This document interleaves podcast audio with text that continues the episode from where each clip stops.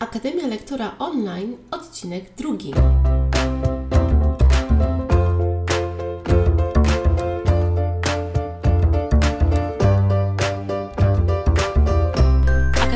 Lektora to podcast, który powstał, aby pomóc Ci w efektywnym uczeniu online. Jeśli chcesz zacząć uczyć lub już uczysz, ale szukasz inspiracji i sprawdzonych wskazówek na to, aby Twoje zajęcia były interesujące, to ten podcast jest właśnie dla Ciebie. Pokażę Ci, co jest potrzebne do poradzenia sobie ze spotkaniami online i opowiem, jak wykorzystać to w Twojej pracy. Znajdziesz tutaj narzędzia, wskazówki, porady, inspiracje. Zapraszam, Ewa Ostarek. W tym odcinku podcastu chciałabym opowiedzieć Ci nieco o mojej historii związanej z uczeniem online, żebyś e, wiedziała jak to wygląda i porozmawiamy także o kilku kwestiach technicznych. Z racji tego, że pracuję głównie z kobietami, w tym podcaście będę zwracała się do kobiet, także jeżeli tego słuchasz i jesteś mężczyzną, to z góry Cię przepraszam, ale będę zwracała się tutaj w rodzaju żeńskim. Mam nadzieję, że to wybaczysz.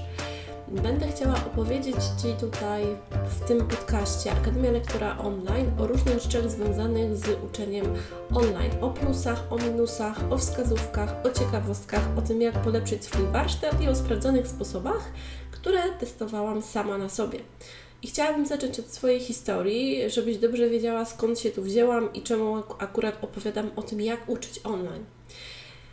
Jeżeli mówimy o mojej historii związanej z angielskim, to ona jest dosyć kręta, bo musisz wiedzieć, że ja na początku kiedyś, dawno, dawno temu, języka angielskiego bardzo nie lubiłam. Na całe szczęście potem to się zmieniło, gdy, gdy trafiłam do nowej szkoły, trafiłam na świetną panią nauczycielkę, która zaszczepiła we mnie takie przekonanie, że angielski nie jest taki straszny i że może być nawet przyjemny. Skończyło się to tym, że po tym cyklu nauki byłam nawet na olimpiadzie z języka angielskiego. Nie zajęłam żadnego miejsca, bo jednak y, miałam dużo takich innych y, braków, których no, ciężko było je wyrównać w tak krótkim czasie, ale dla mnie to było niesamowite osiągnięcie.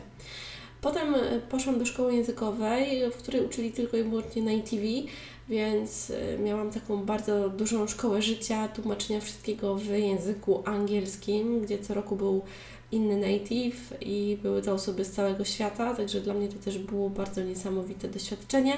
Też było trudne, jeżeli mówimy o tym, że uczyłam się tego jak nastolatka, szczególnie jeżeli mówimy o gramatyce. Ale te lata, bo zajmowałam się i chodziłam do tej szkoły językowej tylko z native'ami przez 6 lat w ciągu, także dla mnie to był bardzo duży taki okres rozwoju. I to wszystko się gdzieś nałożyło potem na to, że zdecydowałam się, że będę chciała zajmować się językiem angielskim.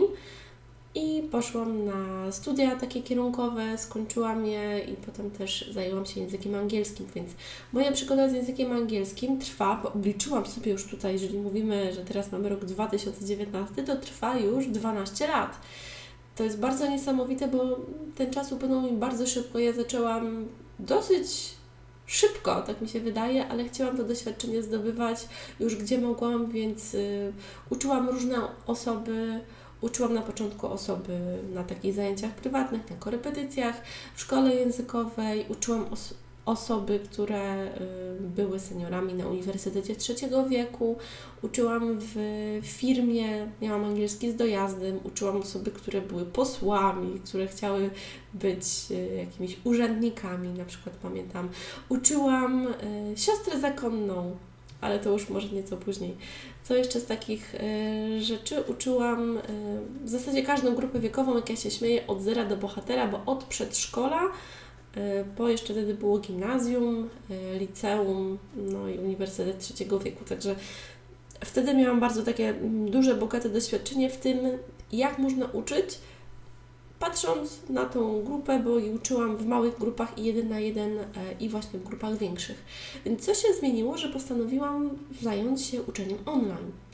A kwestia była bardzo prozaiczna, po prostu chciałam znaleźć jakąś pracę nieco inną, i składałam podania do różnych miejsc.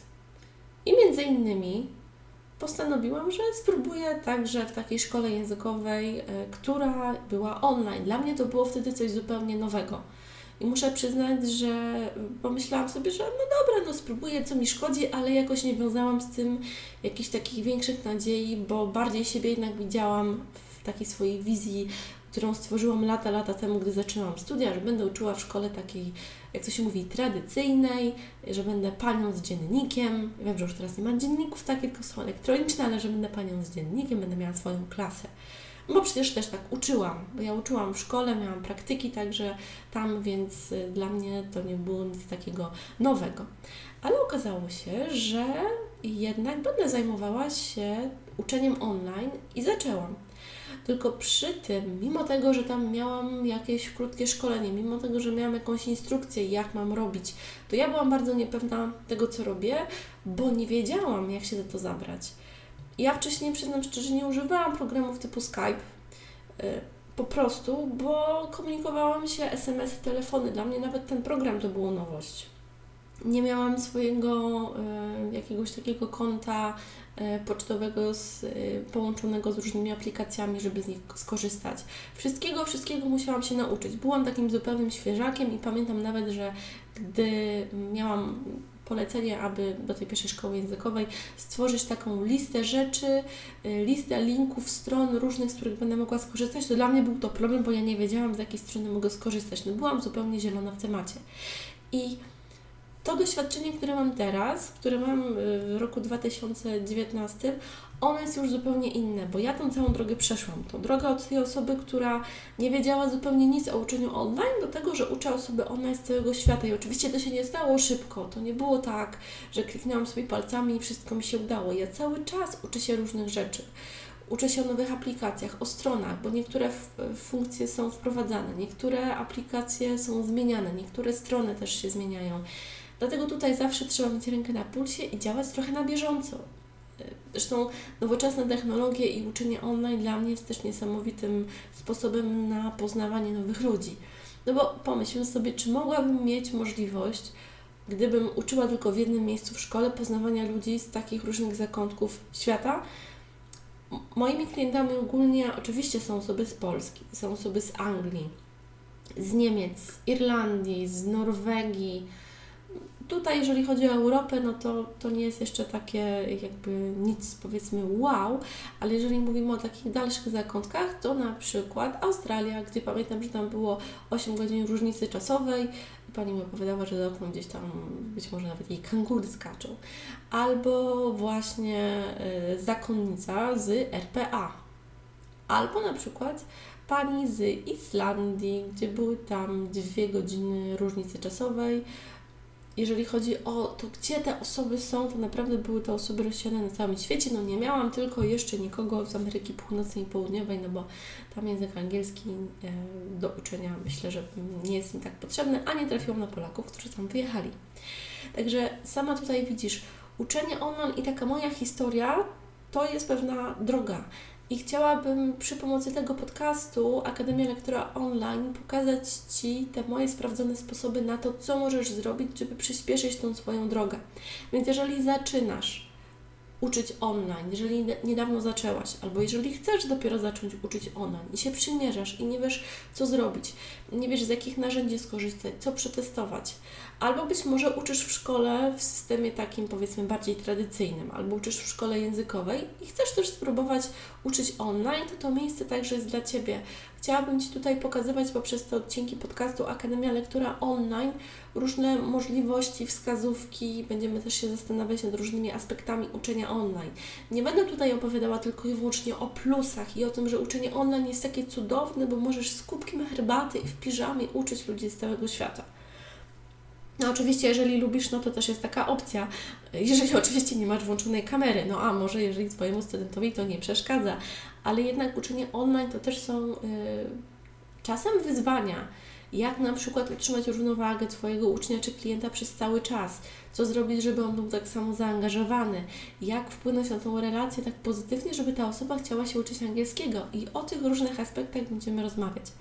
Także, jeżeli masz jakieś pytania, sugestie czy wątpliwości, to bardzo Cię zachęcam do kontaktu, do zadawania pytań, do podsuwania jakichś um, pytań, sugestii dotyczących tego, co mogłoby się znaleźć w tym odcinku podcastu, żeby to było dla Ciebie przyjemne i ciekawe i interesujące.